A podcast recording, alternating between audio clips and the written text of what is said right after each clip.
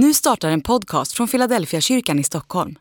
Om du vill komma i kontakt med oss, skriv gärna ett mejl till hejfiladelfiakyrkan.se. Dag 72. Tills han hittade.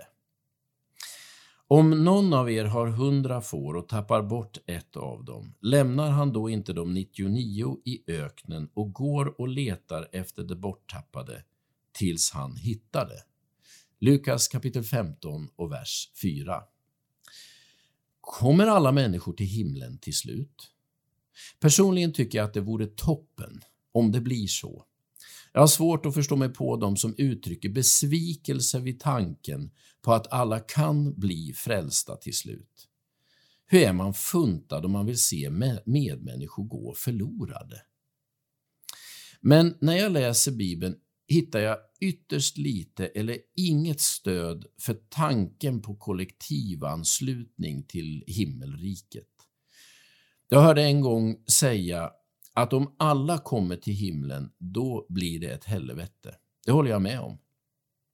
Hur gärna jag än vill att alla ska få komma till himlen så tror jag att det finns människor som till varje pris vill undvika Guds närvaro. Himlen är nämligen en plats som framför allt kännetecknas av Guds ständiga och personliga närvaro.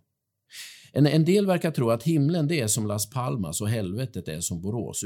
Ursäkta alla boråsare, men ni bor på en av de regnigaste platserna i vårt land som i sin helhet är som en mörklagd frysbox under halva delen av året. Den andra halvan regnar det hos er. Men helvetet är inte som Borås och himlen är inte som Las Palmas. Det handlar inte om geografi, utan om relationer. Men vad menas med orden om att fårägaren letar efter det borttappade fåret tills han hittar det? Jag har hört människor använda de orden som argument för att alla människor till slut blir frälsta. Men människor är inte som fåret som låter sig hittas, mer som sonen som drar sig så långt bort han kan. Och pappan följer inte efter sonen, för det hade förmodligen fått motsatt verkan. Däremot väntar han med öppna armar. Nej, jag tror inte man ska pressa bibelordet om det bortsprungna fåret till att handla om allas slutliga frälsning. Men man ska läsa det som ett uttryck för Guds hjärta för de vilsna och borttappade.